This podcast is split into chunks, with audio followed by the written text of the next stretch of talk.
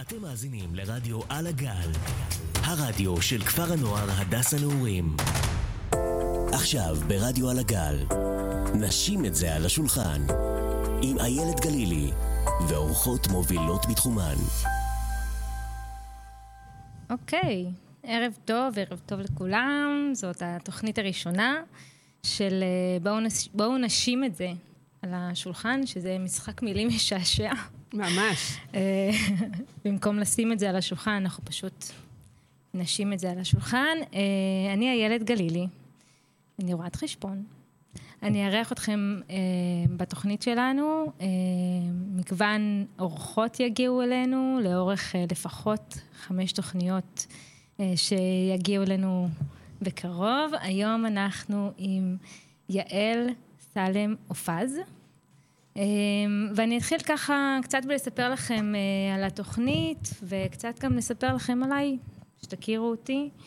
אה, אז התוכנית, זאת התוכנית הראשונה שעולה לאוויר. אני חייבת להגיד שזאת לא הפעם הראשונה שלי ברדיו.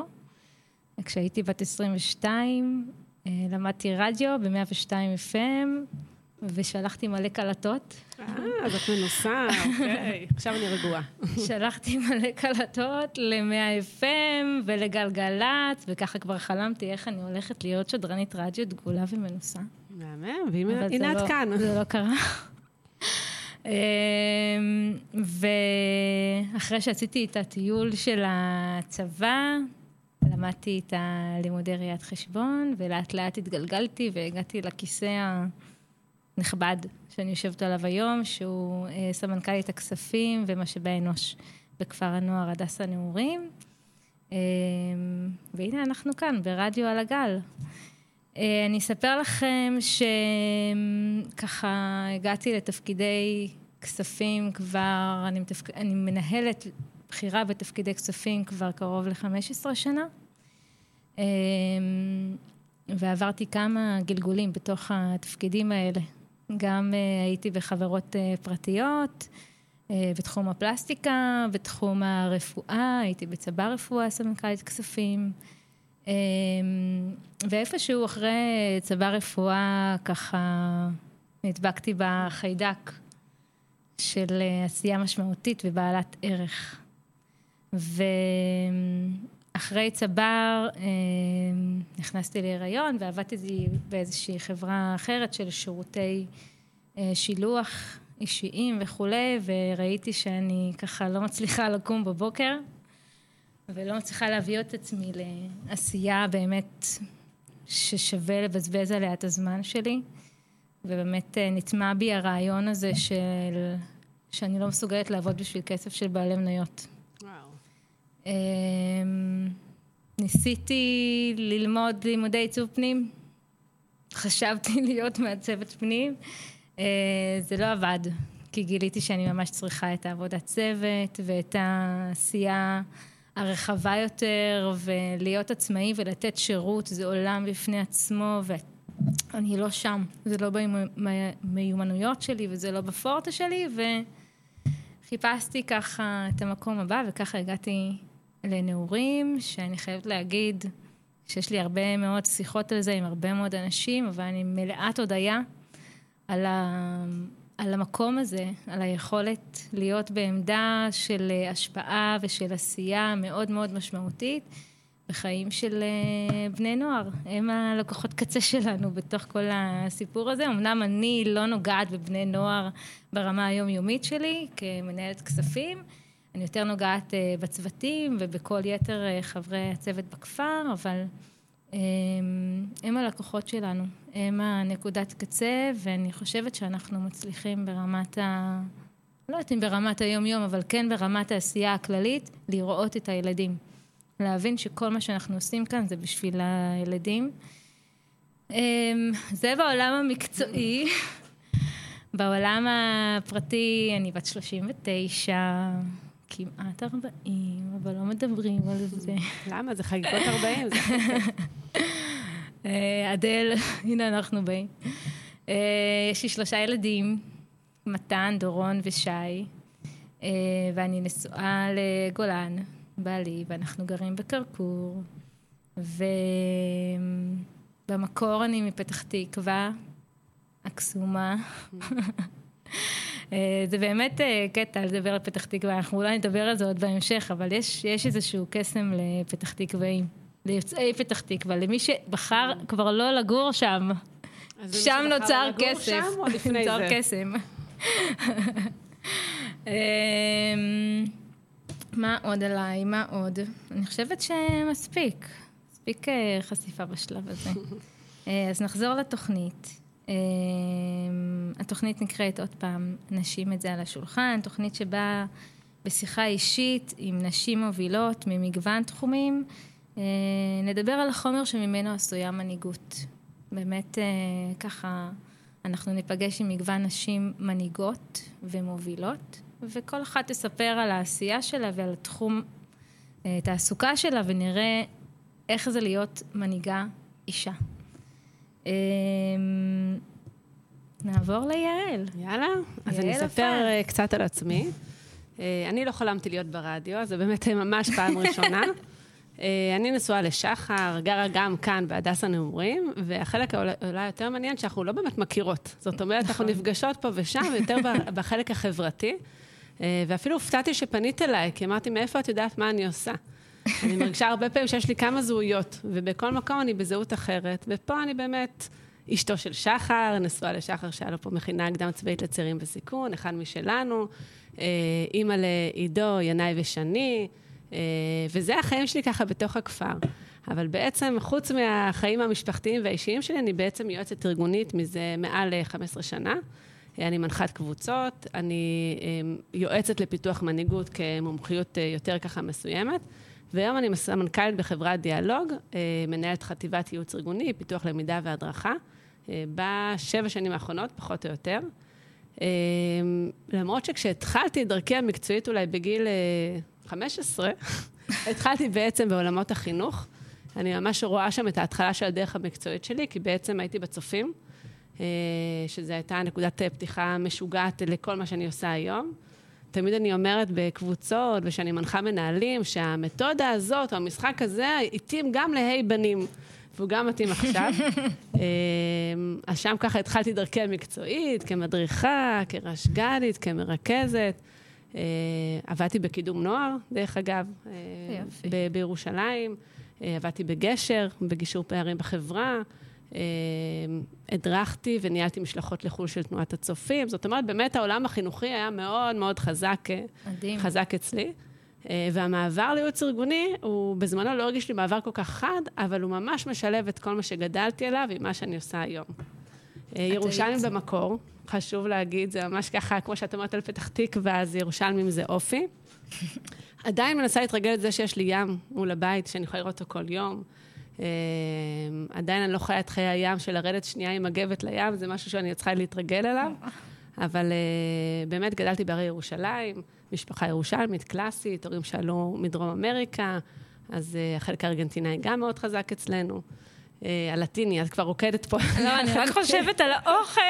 על הבשר, על הבשר, ששחר הגיע לנו הביתה פעם ראשונה, אז הוא הופתע לראות שבתשע בערב מגישים סטייק, הוא לא הבין את הדבר הזה, איך זה יכול להיות. אה, אז זה ככה רקע כללי על עצמי, אבל אנחנו נצלול כן. לאט לאט לעומק. אז אמרת שבעצם זה, זה תמיד מדהים אותי לשמוע איך פלטפורמות נורא בנאליות, כמו צופים, שזה... למי ש... כמי שלא הייתה בצופים, זה נשמע כמו איזה... אני צריכה להתחיל בזה, איך לא הייתי כן. בצופים. הייתי באיזושהי תנועת נוער... אה, צדדית כזו, פתח תקווה, בכל כן. זאת.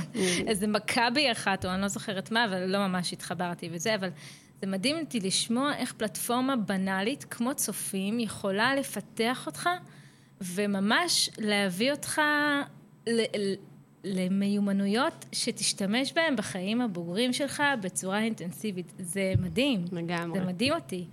אחד הדברים ששאלת אותי ככה מקודם, אם בכלל חלמתי על זה בתור ילדה. זאת אומרת, קודם כל, אני לא חושבת שראיתי ילדה שחולמת על להיות יועצת ארגונית. זה נראה לי משהו שעדיין ילדות לא מבינות אותו. יותר קופאית. אה, זהו, אז אני חלמתי להיות זמרת. אני ממש אה, הייתי עושה הופעות בסלון, ובטוחה שאני אהיה זמרת גדולה עוד לפני הכוכב הבא. ובעצם יש שתי סיבות שמנעו את זה ממני. אחד, שבאמת אין לי כישרון.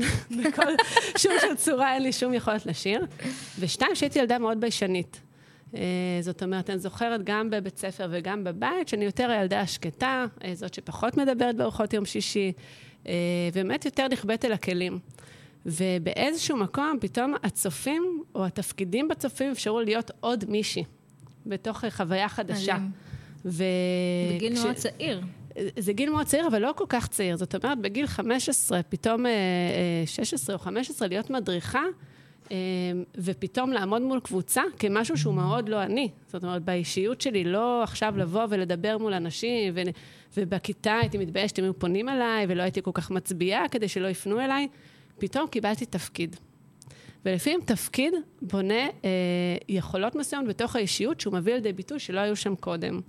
אז באמת אני חושבת שהשינוי הראשון הוא באמת עם תפקיד ההדרכה, אה, ואז ראיתי גם שאני מצליחה בזה. Mm-hmm. זאת אומרת שאני יודעת לפתח הדרכות, ואני יודעת לעמוד מול קבוצה, ואני יודעת לדבר ולתקשר.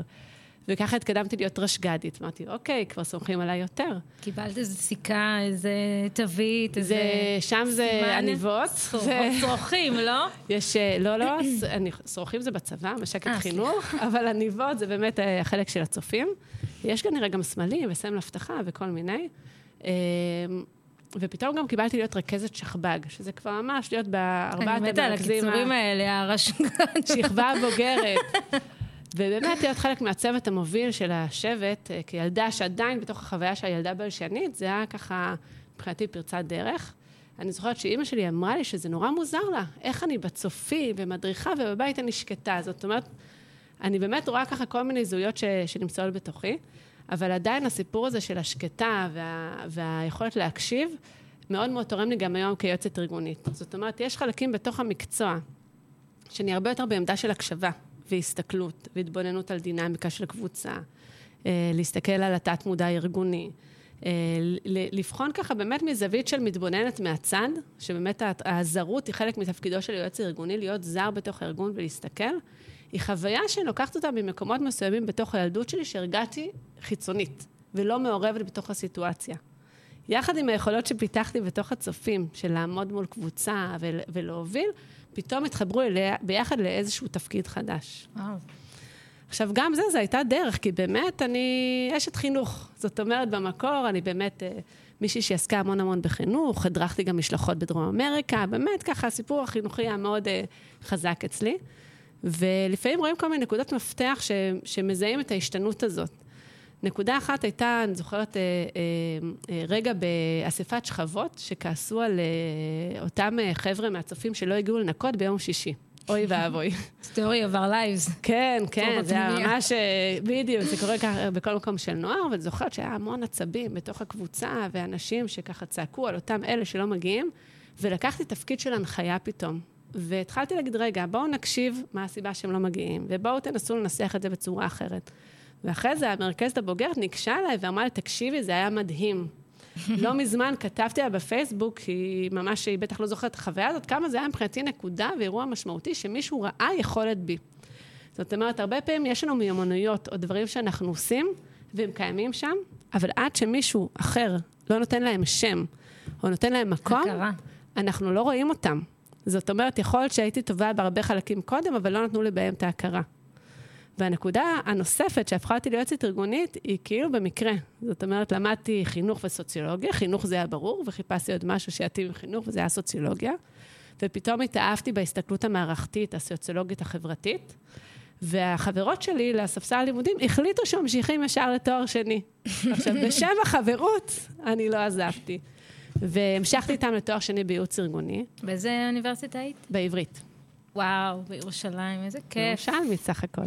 איזה כיף, איזה חוויה. כן, וגם תוך כדי המשכתי לעבוד בחינוך, והמרצה שאל מי רוצה להעביר קורות חיים לצבא, מחפשים לתפקידים בתוך הצבא.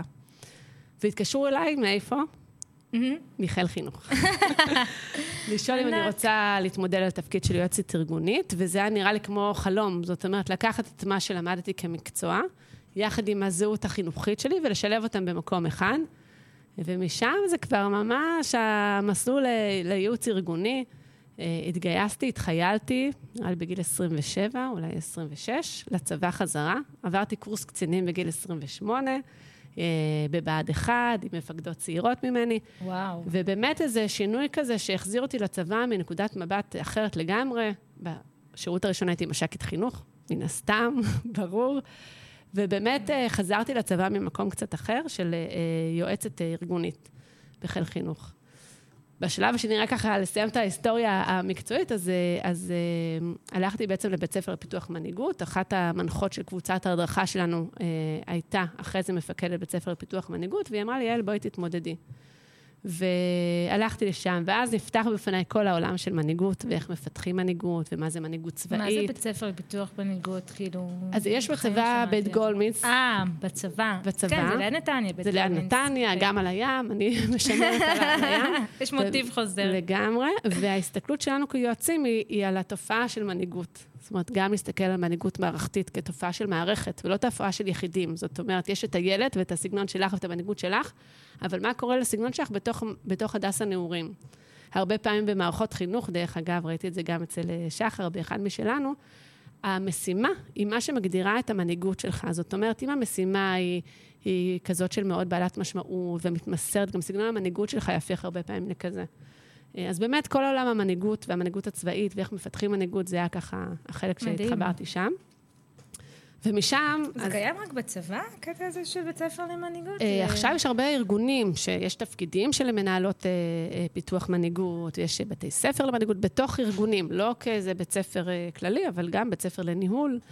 אה, הרבה פעמים מתבלבלים בין מה זה ניהול ומה זה מנהיגות. נכון. אם את נכון. רוצה, אני ארחיב על זה עוד מעט, אבל, אבל באמת זה ככה, התחלתי שם את הקריירה הצבאית. וכשסיימתי שם, אז המפקד של בית ספר למנהיגות עברה לג'וינט ישראל לפיתוח אה, מנהיגות במגזר הציבורי, באלקה, אה, וגם עברתי ככה בעקבותיה למקום החדש. וכעבור שנה אה, התקשר אליי המנכ"ל של דיאלוג, ששם אני עובדת היום, ואמר לי, שמעתי עלייך, אני רוצה שתבואי לבדוק אם את יכולה להיות מנהלת המחלקה. איזה כיף. כן, זה עוד היה ככה, והאמת היא שאמרתי לו שלא, שזה לא מתאים, שאני רק התחלתי, שאני חדשה. אמר לי, בואי ניפגש, בואי נראה לאן זה יוביל. ופתאום הרגשתי שאני יכולה גם להיות במגזר העסקי. זאת אומרת, אם שמעת את הסיפור שהוא מאוד חינוכי, מאוד בצירים אחרים, ודווקא המקום שאני אומרת, רגע, זה לא חברת ייעוד, זה לא משהו שככה מבחינתי פתאום נהיה טאבו, ובטח לא ניהול המחלקה, ובטח לא לעשות ולעשות כל מה שאני חולמת, כי זה, זה המקום שדיאלוג נותנים לי בעצם, לחלום בגדול ולהגשים את זה. והפכתי להיות מנהלת אה, מחלקת ייעוץ ארגוני. אה, שעם השנים גדלה מאוד, זאת אומרת, הגעתי, הייתה יועצת אחת, עוד רכזת אחת, כמה יועצים עצמאיים. היום אנחנו חטיבה שלמה עם אה, צוות, מחלקה שלמה של פיתוח הדרכה, ומחלקה של הדרכה, ומחלקה של שיווק, ומחלקה של יועצים ארגוניים, ופתאום נהייתה אימפריה לכל הדבר הזה. עכשיו, הרבה פעמים אני אומרת, שאני גם מדברת לפעמים על מיתוג אישי, דיברנו על זה מקודם, שיש דרך לספר סיפור. זאת אומרת, הסיפור שגם אם שמעת אותו עכשיו, הוא מאוד אה, נתון ליד הגורל. במקרה המפקד שלי הלכה לשעה, ובמקרה הוא התקשר אליי. זה... ו... ועם הזמן הבנתי ששום השני. דבר לא במקרה, אלא שבעצם, כנראה, שהייתי מספיק טובה במקום מסוים, שהביא אותי למקום הבא. עצם זה שהיה לך pitching, אה, בלי שבכלל, מה שנקרא, בלי שרצית את זה בכלל, אמ-המ. זה רק אומר שאת היית מספיק טובה במה שאת עושה כדי... לנצנץ לך, ושמישהו בכלל ידע שאת קיימת ולבחור אותך. זאת אומרת, זה חלומה של כל uh, מנהלת היום. um, זה תהליך מדהים מה שאת מספרת, ואני מסתכלת עלייך ואני אומרת על עצמי, את הפוכה ממני. ב-180 מעלות. כי אני בתיכון uh, למדתי uh, מחשבים, פסיכולוגיה, סוציולוגיה. וואלה. הגעתי לסוציולוגיה, אמרתי לעצמי, אוי, מה זה הדבר הזה? כל הסדינים, וללמוד עכשיו מלא אוכלוסיות, וללמוד על, על להבין בעצם את כל הקשת של כל המגזרים שיש לנו, ולהבין, אמרתי, לא, לא, אני לא יכולה להיות במקומות האלה, ישר אמרתי את זה לפסיכולוגיה, עברתי לפס...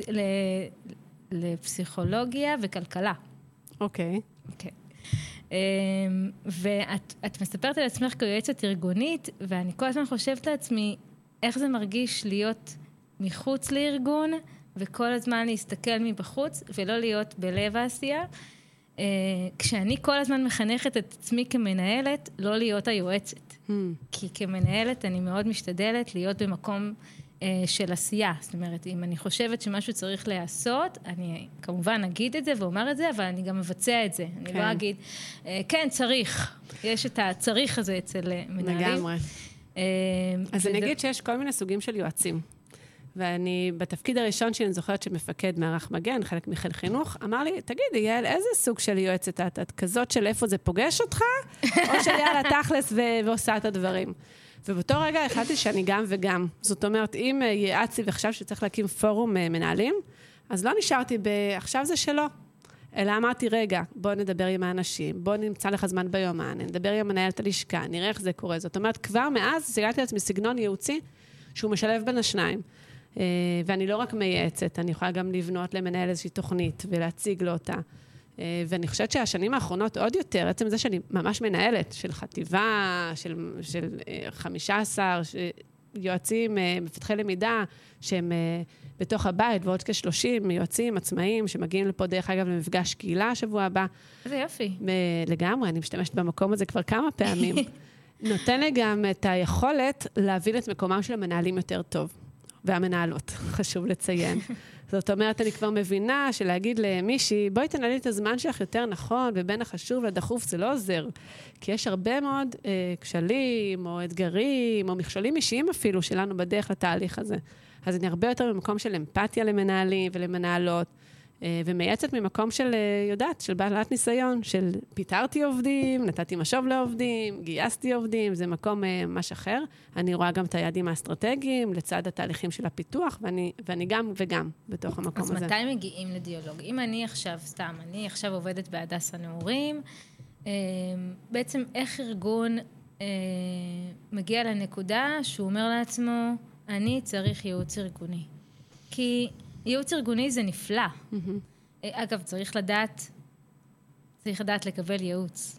לגמרי. צריך לדעת להיות המטופל. לגמרי. אה, ולמנהלים נראה לי שזה כמו רופא שהופך להיות, כמו רופא שהופך להיות החולה, והוא החולה הכי בלתי נסבל.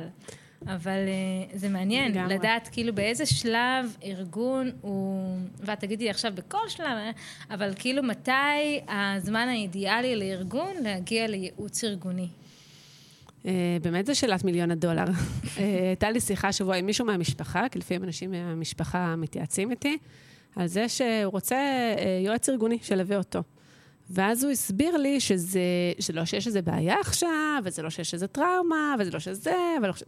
אז תקשיב, אני חיה בעולם הייעוץ ארגוני, מבחינתי לכל מנהל ומנהלת, ובכלל, צריכים יועצים ארגוניים.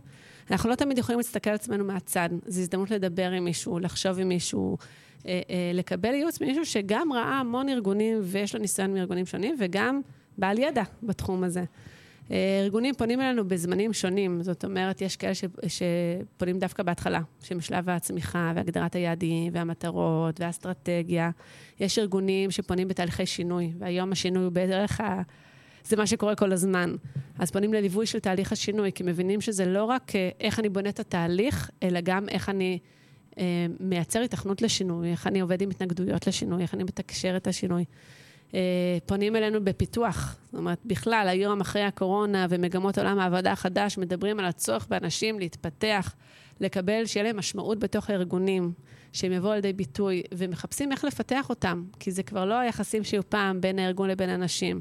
אז פונים אלינו להכשרות, לפיתוחי מנהלים, לייעוץ אישי, באמת ככה, בכל המגוון ובכל ארגון בזמן אחר.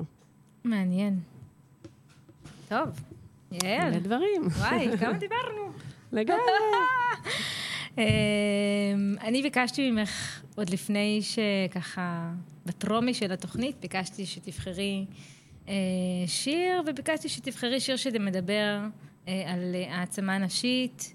אמ, כי בסופו של דבר באנו לדבר גם על נשים, אנחנו עוד נגיע לזה. אנחנו מדברות על נשים, אנחנו נשים. מדברות, כן, לא, ברור, ברור, ברור. אנחנו גם עוד קצת נצלול אפילו אה, טיפה ללמות יותר נשים. תספרי לנו, איזה שיר בחרת ולמה? אז בחרתי את קחי מה שתרצי, של אה, גלי עטרי. זה שיר כזה שמראה לי על המון עוצמה נשית, כי בעצם הוא מדבר על זה שאנחנו יכולות, מדבר לאישה קודם כל, וזה לא שיר שמדבר לגבר, על זה שיכולות לקחת ולעשות את מה שאנחנו רוצות, שלא יסרבו לנו. יש את המשפט, קחי מה שתרצי, מי יסרב לך? קחי את העולם כולו. תעשי, אחרי זה גם תעשי רק מה שאת אוהבת.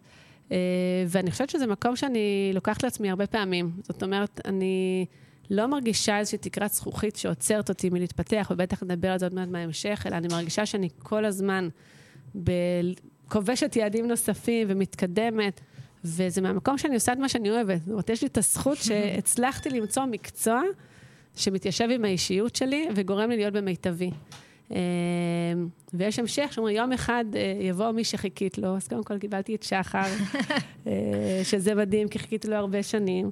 ו, ובאמת, שאת בתפיסה כזו על העולם, אז גם העולם מאיר לך עיניים. זאת אומרת, אה, אם אני באה לעולם, אוקיי, ליום-יום שלי, בתפיסה שאני יכולה לעשות הרבה מאוד דברים, ולא מתחילה לשים לעצמי את המחסומים, שזה לא מתאים לי ואת זה אני לא אצליח וזה לא יקרה, אז, אז זה קורה. זה לשמור על הרבה תמימות. Uh, זה קצת תמימות, אבל uh, יש ככה תיאות שמדברות על מסוגלות, אוקיי? ובאמת במקומות שהרגשתי ששמתי לעצמי מטרה והגעתי אליה וזה הצליח, אז אני באמת מרשה לעצמי גם להרגיש את זה. וגם אם אני נכשלת, אז בסדר, יבואו עוד הזדמנויות. אה, גם, ראית לא מזמן שעשיתי איזה וובינר, או, או הרציתי בכנס, זה, אני מתה מפחד מהדברים האלה, גם מהתוכנית. אבל אני אומרת לעצמי, בואו נרצה בכנס, בואו נעשה וובינר, ואז כבר שמתי לעצמי את המקום הזה שזהו, אני צריכה לעשות את זה. אז עם כל הפחדים אני ניגשת לזה. אה, צריך בשביל זה סביבה ארגונית מאוד מאוד תומכת. יש לי מנכ"ל שבאמת הוא נותן לי יד חופשית ומאמין בי, אה, ואנשים, והצוות שלי מאמין בי, וככה אני גם מנסה לעשות לאנשים שלי, וזה מה שמאפשר לאנשים באמת אה, להרגיש שהם יכולים לעשות המון המון דברים. מדהים. אז בואו נשמע את השיר. בואו נשמע.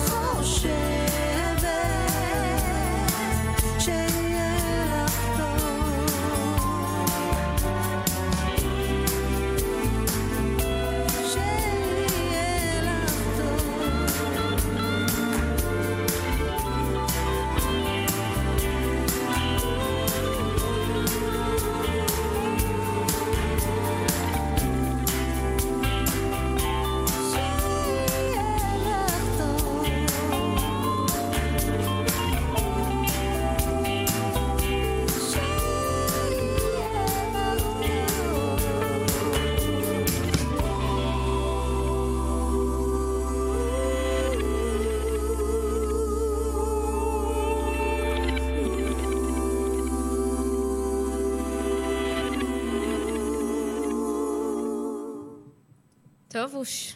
ממשיכות. חזרנו. אני חייבת להגיד שהיינו מה זה לחוצות בהתחלה, כן. בהתחלה, אבל זה ממש, ממש כיף ואנחנו נהנות. לגמרי. הייתי רוצה שנצלול קצת לעולם המנהיגות הנשית, אחרי שקצת הכרנו אותך ואותי ואותך. ובואו קצת אה, נתעניין בנתונים סטטיסטיים, ממש מהפרטים הכי יבשים, ואז בעצם נצא מזה לכמה נקודות על אה, מנהיגות נשית. אז נתון שמאוד הפתיע אותי, זה שאם בעבר נשים היו פחות משכילות מגברים, ניכר היום שאחוז הנשים בעלות השכלה גבוהה גבוה מאחוז הגברים בתחום הזה, זאת אומרת, יש 48.1 נשים עם, אה, עם אה, השכלה של 13 שנות לימוד ומעלה, אה, לעומת 45.2 אחוזים מהגברים. אבל זה לא מספיק כדי להביא, כדי לקדם שני פרמטרים. פרמטר ראשון, פרמטר ראשון זה כמובן השכר של נשים במשק, ופרמטר שני זה עמדות ניהול או עמדות מנהיגות של נשים בתפקידים בכירים. אה, לפי דוח מבקר המדינה לשנת 2014, אה, מתוך 30 משרדי ממשלה מכהנת אישה בתפקיד מנכ"לית רק ב-20% מהמקרים. וואו. Uh, למרות שאני חייבת להגיד שאולי דווקא השנה, אולי עכשיו, עכשיו, עכשיו, בקדנציה של לפיד, חל שינוי גדול. כי באמת, לא, באמת, אבל... לא, כי הסתכלתי על, ה, על, ה, על המצע של החברות אה, כנסת שמכהנות איתו עכשיו, ומנכ"ליות של משרדים, ויש שינוי מטורף. פתאום רואים מלא נשים בפרונט, שזה נחמד לראות, אם כי זה רק לחצי שנה, נכון? עד נובמבר. כן, עד הבחירות. אה, וגם לא, לא, לא יזכו לעשות כנראה יותר מדי, אבל עדיין אה, זה כיף לראות את זה. זאת אומרת, זה כיף לראות שיש מנהיגות של גבר שמקדמת מנהיגות נשית, או שמבינה מאידך את ה... לא מאידך, אבל מבינה את הערך של מנהיגות נשית ומה היא uh, מביאה איתה. Um, בדירקטוריונים של uh, חברות מובילות, uh, שיעור הנשים עומד רק על uh, 18 אחוזים, uh, ורק 23 אחוזים מהנשים נמנות עם uh, מקבלי השכר הגבוה בארגונים. כן. שזה מבאס. אבל uh, יש, יש מה לעשות עם זה. קודם כל, אני חושבת שבראי ההיסטוריה, במבט לאחור, ואפילו אם אני מסתכלת על התקופה מאז שאני הייתי ילדה להיום, חל שינוי משמעותי ומאוד מאוד uh, דרמטי, uh, בזכות מגוון נשים שהובילו את המודעות לתחומים האלה, שאני תמיד מסתכלת על זה ואומרת לעצמי, מי בכלל יקשיב לה? Hmm. מה היא נאבקת? ו- ובאמת בסוף... אה, נשים כמו מרב מיכאלי, שמתעקשת לדבר אה, בלשון אה, רבות ובלשון נקבה, שבהתחלה זה נורא עצבן. גם, אני חושבת, גם נשים, זה, זה היה טרחני. אבל ככל שעבר הזמן, הערך של זה השתרש, וגם אני כ, כאישה הבנתי למה חשוב להתעקש על זה. למה חשוב לדבר גם בלשון רבות, ולמה חשוב להכניס גם את השיח, את שיח השוויון המגדרי לתוך השפה עצמה. לגמרי. אה, השפה היא משקפת את התרבות, משקפת את מה שקורה בחברה, את התהליכים היותר עמוקים, ובאמת אלה שקולטות את זה ומבינות את זה מייצרות משהו חדש. אז אני לא תמיד שמה לב לשפה, אבל אני יכולה להגיד לך שבגלל שאנחנו עוסקים הרבה בעיצוב למידה ופיתוח למידה דיגיטלי ומצגות, אני תמיד מסתכלת אם יש גם גברים וגם נשים. זאת אומרת, גם במצגות בהתחלה ראיתי שתמיד המעצבות שמות תמונות של גברים שמדברים על מנהלים. זאת אומרת, זה הדברים הקטנים שמייצרים את השינוי, אה, אבל באמת הדרך לשם עוד ארוכה. זאת אומרת, אחד הדברים שאני לא יודעת אם יש לך אותם, אבל מה בין, אה, באיזה מקצועות בעצם הנשים הן אה, יותר משכילות? האם יש מקצועות, כמו שאנחנו יודעים, שאין שם כל כך נשים, מקצועות טכנולוגיים, וזה עדיין יותר במקצועות הומניים, לא שזה רע, אבל זה באמת אומר משהו על המקום. והדבר השני זה באמת אה, כמה אה, נשים מבינות את הערך שלהן ושהן יכולות לבקש שכר יותר גבוה. כמנהלת אני יכולה להגיד לך שאני פוגשת אה, אנשים שמגיעים לראיון, וברור לי שהנשים יבקשו שכר יותר נמוך מאשר הגברים. זאת אומרת, זה ממש, ממש חלק ממה שקורה, אני רואה את זה ביום-יום. אני רואה את זה גם על עצמי, כמה שסיפרתי לך על עצמי, כמה פעמים אני אעשה שיחות שכר על עצמי, זה יהיה הרבה פחות. אה, מאשר כנראה גברים שיהיו בפוזיציה שלי ועושים את השיחות האלה. אני חושבת שלי יש איזו אג'נדה, שכל שנה אני עושה שיחת שכר. לא משנה מה, לא משנה איפה, מאז שאני ג'וניורית, גם. כשעבדתי במשרד של אבא שלי. כל שנה אני עושה, צח... עושה שיחת שכר. אה, עם זאת, אני חושבת שעדיין הציפיות שכר שלי כנראה נמוכות מציפיות שכר של גבר, אה, כי יש איזשהו מקום, אני לא אגיד מקום מתנצל, אבל יש איזושהי הבנה שהשכר היום מוטה, ואם אני אבקש שכר כמו גבר, אני כנראה אקבל גם בעיטה. אבל אה, זה תלוי באיזה ארגון אולי. אני חושבת שבארגונים הגדולים גדולים, אה, בעיקר בהייטק דווקא, ובעיקר בתחומים הטכנולוגיים, mm-hmm. אה, אלבי, תעשייה אווירית וכאלה ארגונים שגם נתונים יותר פיקוח, אה, זה הולך ומתאזן. אבל בשוק החופשי, בחברות הרגילות, הפרטיות, איפה שזה לא אה, מבוקר וככה בזרוע קשה אה, מקבל את ה-recognition, אה, עדיין יש הטיה מאוד קשה. אם מחר אני ארצה ללכת להיות אה, מנהלת של אה, עמותה, ויהיה גבר שיתחרה איתי על התפקיד הזה, יציעו לו 15 או 20 אחוז יותר. את יודעת, אני לא יודעת אם זה יציעו לו או שהוא יבקש יותר. נכון. זאת אומרת, זו גם שאלה של מה, מה הביצה ומה התרנגולת. או אפילו בתנאים. אפילו בתנאים, נכון. השכר זה לא... יש עדיין משהו שמוטבע בנו, הרצון להוכיח את עצמנו, התחושה שאם אנחנו שוות מספיק. זאת אומרת, גם, שוב, עם כל התחושת מסוגלות שסיפרתי לך עליה, עדיין יש את הרגע, אולי אני מגזימה, אולי זה כבר לא מה ש... זה לא מתאים למעמד שלי, אבל באמת אה, זה משהו שמלווה נשים בכל, אה, בכל התחומים. אני חושבת שזה גם מאפשר לנו להגיד לעצמנו, אה, טוב, יאללה, אני לא עכשיו מרוויחה את המאה אחוז שהייתי יכולה, אני מרוויחה את ה-85 אחוז, אז יאללה, זה מאפשר לי להיות קצת יותר בבית. Mm. אז זה מאפשר לי, אבל זה לא קשור אחד לשני, כי התפוקה של נשים והערך שנשים מביאות לתוך ניהול הוא במונה מונה, לא יודעת להגיד יותר מגברים, אבל לפחות משתווה לזה. הוא שווה ערך, לגמרי. Okay? אוקיי? ובכלל, תמהיל נשי וגבר, וגברי ביחד יוצר דינמיקות טובות יותר ומועילות יותר לארגון, בצורה כזו שגם נשים וגם גברים נהנים ממנו יותר. זאת אומרת, מפיקות תועלת גם כלכלית וגם בשכר.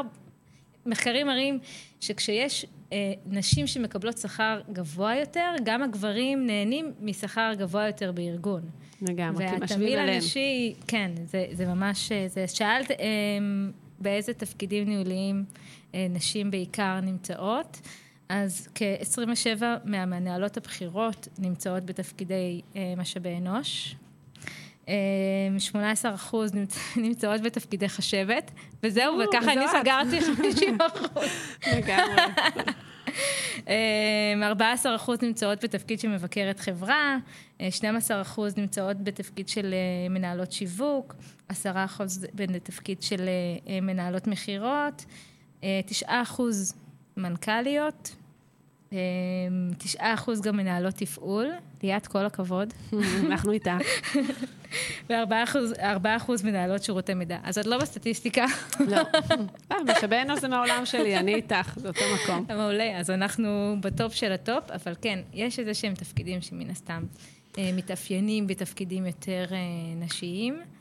אני חושבת שזה, שזה גם התפיסה על עצמנו. אחד הדברים שהיה ככה לפני הפודקאסט, אמרת שאת רוצה לראיין אותי, ולי היה ברור שאת רוצה לראיין אותי ולשמוע על דברים בעולם המנהיגות, ומה קורה היום, ומה הופך אנשים להיות מנהיגים.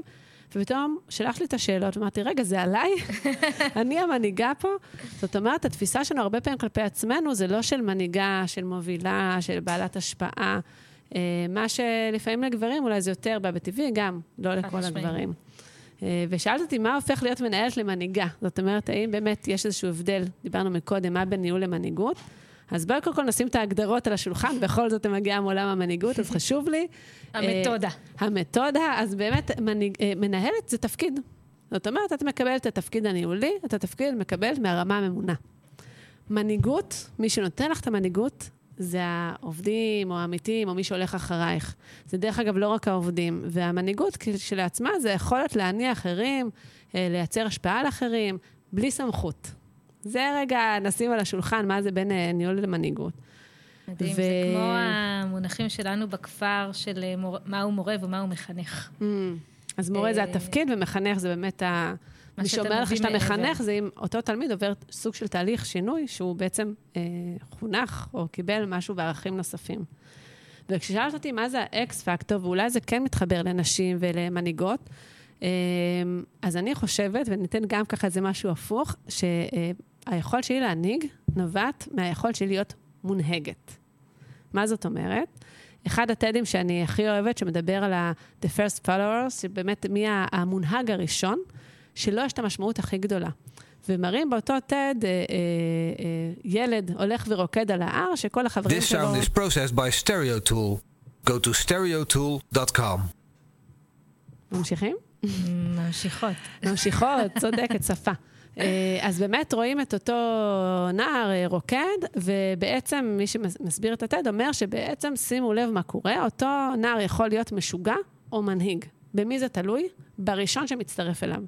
זאת אומרת, הראשון שמצטרף אליו, ואותו מנהיג או מנהיגה, שבעצם אומרים לו, כן, בואי, תרקדי איתי, משפיעים מאוד על שער, ואז תוך שני אירועים המולה של אנשים הולכים לרחבת הריקודים.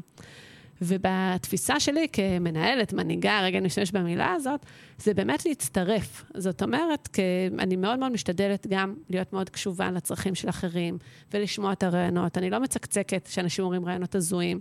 אני עם המון סבלנות והכלה. ועצם זה שיש לי את היכולת ללכת אחרי אחרים, אה, ואחרי הרעיונות המשוגעים לפעמים של העובדים שלי, ולהגיד, כן, יאללה, אני איתך, או אני איתך, בואו בוא נעשה את זה, בואו נקים תחום חדש, בואו נקים פלטפורמה חדשה. זה מה שגורם להם גם לבוא אחריי, כי בעצם מה אני גורמת להם? לעשות את המקסימום של עצמם, להביא את עצמם לידי ביטוי. ובמקומות שאני לא רואה את זה, אז באמת אותם אנשים גם עוזבים, כי פספסתי אותם, אבל גם הם לא ילכו אחריי. זאת אומרת, כדי שאנשים ילכו אחריי, אני צריכה ללכת אחריהם. וזה לערער על כל מונח המנהיגות ובעצם איך נוצרת מנהיגות. ואם זו מנהיגות נשית, אני שואלת, אה, יכול להיות. יכול להיות שלנשים יותר קל ללכת אחרי מישהו. אגו. בדיוק, לא פוגע להם באגו, וזה בסדר שהרעיון הוא לא שלך, והרעיון הוא משותף. ו, אה, ולא תמיד צריך להיות בולטת ולהיות הראשונה.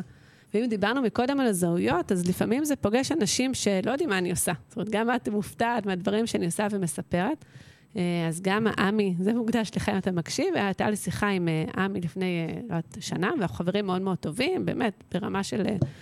ופתאום הוא שאל אותי באיזה מלון בתל אביב, שהיינו ככה ביחד, הזוגות, מה את עושה בעצם? ופתאום סיפרת על מנהלת חטיבה, ויש לי יעדים, ואסטרטגיה, והתרחבות. הוא אמר לי, וואו, יעל, כל זה את עושה? זאת אומרת, אני לא באה ומפרסמת את עצמי בריש גלי בכל מקום שאני נמצאת, ומדבר על מה שאני עושה. אה, וגברים הם קצת אחרים, אני חושבת, הם הרבה יותר מוחצנים. אז נכון שלאחרונה את מזהה את זה שברשת אני קצת יותר כותבת ואומרת, אה, ואני רואה גם את העד שזה מייצר. אנשים אומרים לי, וואי, איזה דברים את עושה, ואת רואה... ואני אומרת, רגע, אני עושה את זה כבר שנים, פשוט עכשיו אני כותבת על זה.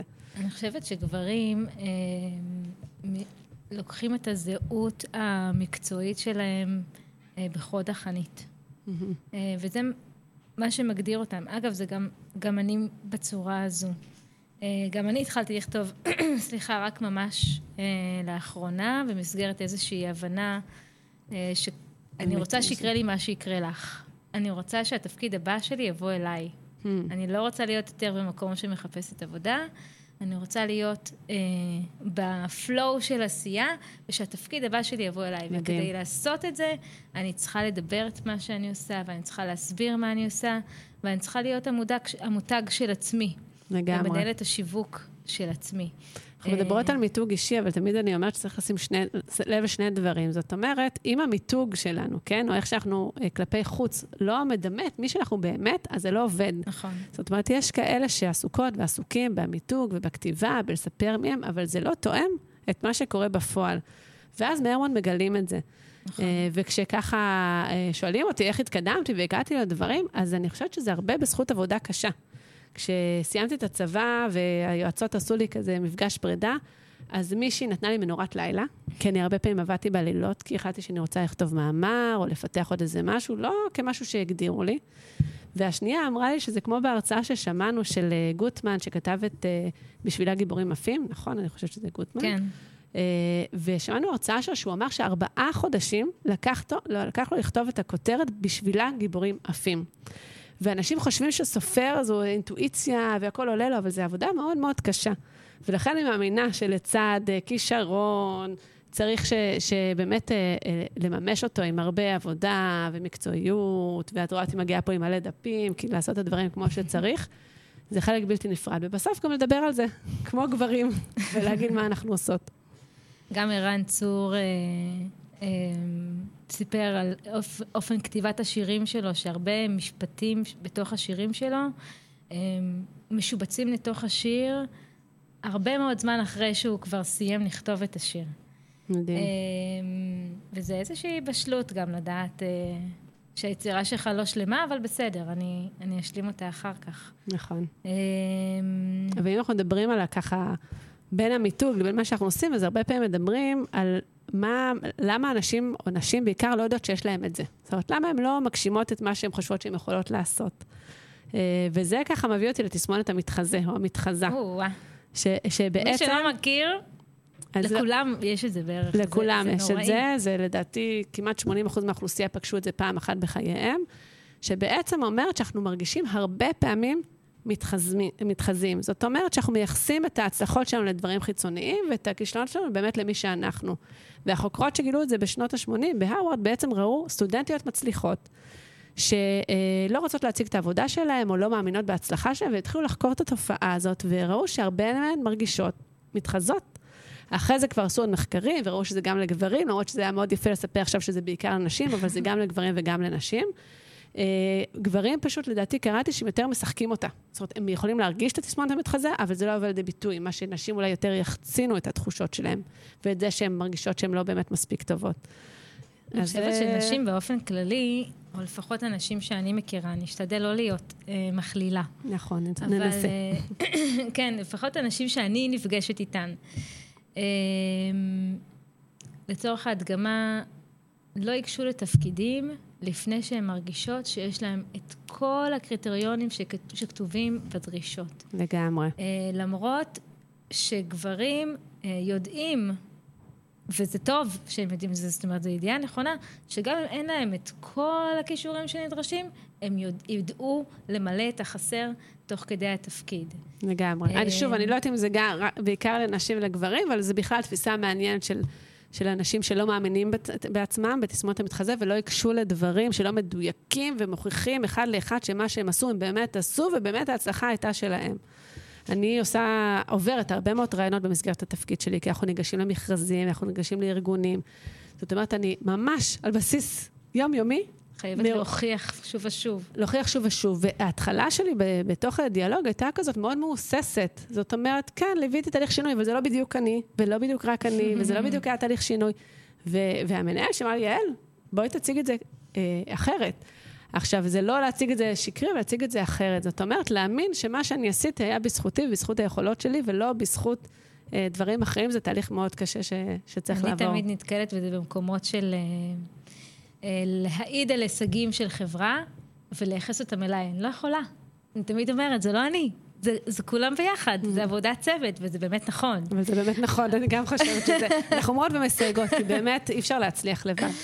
אני יכולה אה. להגיד שלי יש צוות מדהים, ומנהל מדהים, וחברה מדהימה, שגורמת לכל זה להצליח. איזה יופי. אני יכולה לראות את עצמי בארגונים אחרים שבהם לא הצלחתי.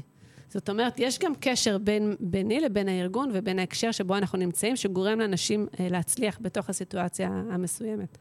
ובאמת, בשונה מאפקט הגולם, זאת אומרת, אם יש את האפקט של ציפייה שמגשימה את עצמה, ואנשים מאמינים באחרים, זה גורם להם להצליח. פיגמליון. פיגמליון, נכון. זה הציפייה שמגשימה את עצמה, לעומת אפקט הגולם, שאנשים חושבים שמישהו לא יצליח, זה גם יגרום לו לא להצליח. וואו, צללנו לרזי הפסיכולוגיה והסוציולוגיה. אני יכולה לספר שב... בחשיפה אישית, מה שנקרא, אני יכולה לספר אמ, שבריאיון שלי בקבלה לנעורים, אם כבר דיברת על עמי, אמ, אז עמי אמר לי, מה את צריכה כדי להצליח? לא, אני צריכה שמישהו יהיה איתי, באש ובמים. ש, שנעבוד ביחד, שאני אוכל לחשוב בקול רם, שאני אוכל אה, אה, את כל החששות שלי, את כל המחשבות שלי, לשים על השולחן ולעבוד ביחד. ואני חושבת שזה דבר שאנחנו עושים אה, הרבה מאוד בנעורים, לא רק אה, בערוצים שלי ושל עמי, בכלל, בערוצים אה, רחבים. ובנעורים הפלטפורמה להגשמה עצמית ולביטוי עצמי היא מאוד מאוד מאפשרת. לפעמים אפילו קצת יותר מדי מאפשרת. ואנחנו נכון. קצת... קצת אה, חנוך זה הנער לפי דרכו, באיזשהו מקום. ממש, גם אנחנו מתחנכים.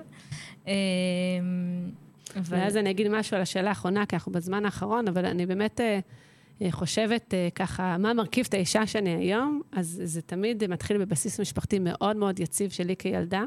שאני מרגישה שאפשרו להיות מי שאני. זאת וואו. אומרת, לא היו לי הורים שאפתניים, של לכי תלמדי ותעשי קריירה, לא. ולא היו לי עובדים, ש... לא היו לי הורים ש... שמורידים אותי, להפך. זאת אומרת, הייתה תחושה, מה שאת רוצה. את רוצה ללמוד, כיף. תלמדי. את לא רוצה ללמוד, אל תלמדי. את רוצה ללכת לבית ספר, תלכי. את לא רוצה, לא נורא. זאת אומרת, התחושה הזאת שבאמת מה שאת מתארת, חנוך לנער לפי דרכו, ובאמת אה, נותנת גם המון חופש ובחירה וניסוי וטעייה שאפשרו להגיע למי שאני היום.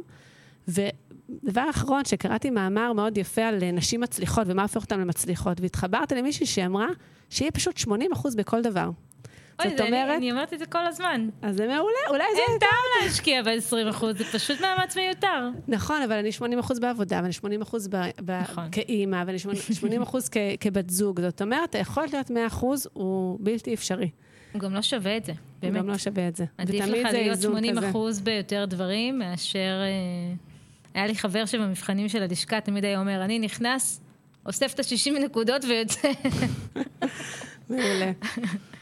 אה, אני, אני חוששת שנגמר לנו הזמן, ואני אספר אה, אה, לפני שאנחנו נפרדים, שקודם כל, ממש ממש נעמת לי, ואני אני שמחה שעשינו את הפגישה שלנו. שנפגשנו, שהכרנו. בפלטפורמה כזו, זה קטע הורס. לגמרי. תכננתי לשאול אותך עוד מיליון שאלות. אבל אנחנו נשאיר את זה כנראה לתוכנית הסיקוול או ההמשך. לגמרי. אני אספר לכם על השיר שאני בחרתי. בחרתי את השיר של uh, משנה לשנה, של ליבט רביץ, שהיא מספרת uh, שהיא כל פעם uh, מתקלפת מהקליפה של עצמה ומסתכלת על עצמה מהצד. מדהים. כמה היא הייתה... מסתכלת על עצמה מהצד בחוויה גבוהה יותר. לפחות ככה אני מפרשת את השיר. וזה שיר שמאוד מאוד מרגש אותי, ואני ככה משמיעה אותו לעצמי בכל מיני מיילסטונס קטנים או ממש גדולים, אם הייתה לי איזו הצלחה נעימה כזאת בעבודה, או שזה תמיד, אני אוהבת לשמוע אותו כשאני עובדת, עוברת פה בנעורים, ב- ליד דשא נוף, mm-hmm. שזה... ויה דלה רוזה, המקום הזה, פשוט, כן. כל פעם שאני עוברת בשביל הזה, זה פשוט לא נמאס. נכון. אי אפשר להתרגל למחזה הזה של הצוק והים, זה ממש מרגש אותי כל פעם מחדש, ולפעמים, כשיש איזו הצלחה משמעותית, אני משמיעה לעצמי את השיר הזה, ו... מדהים. יאללה, בואי נשמע. עולה להיי.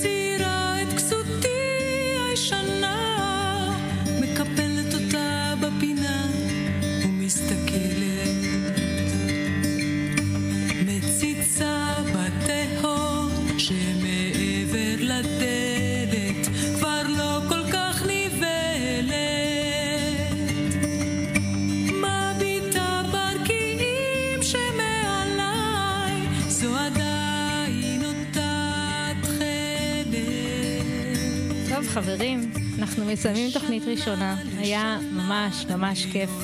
אני רוצה להגיד תודה לשקד בין ולדניס קרפנקו, טכנאי הסאונד שלנו, וכמובן, כמובן, ליעל, שממש שמחתי להכיר אותך. ואנחנו ניפגש. אנחנו ניפגש. תודה רבה שהזמנת אותי ואת אלופה. יאללה, מכאן רק בקשר. הצחוק בעיניי מקבל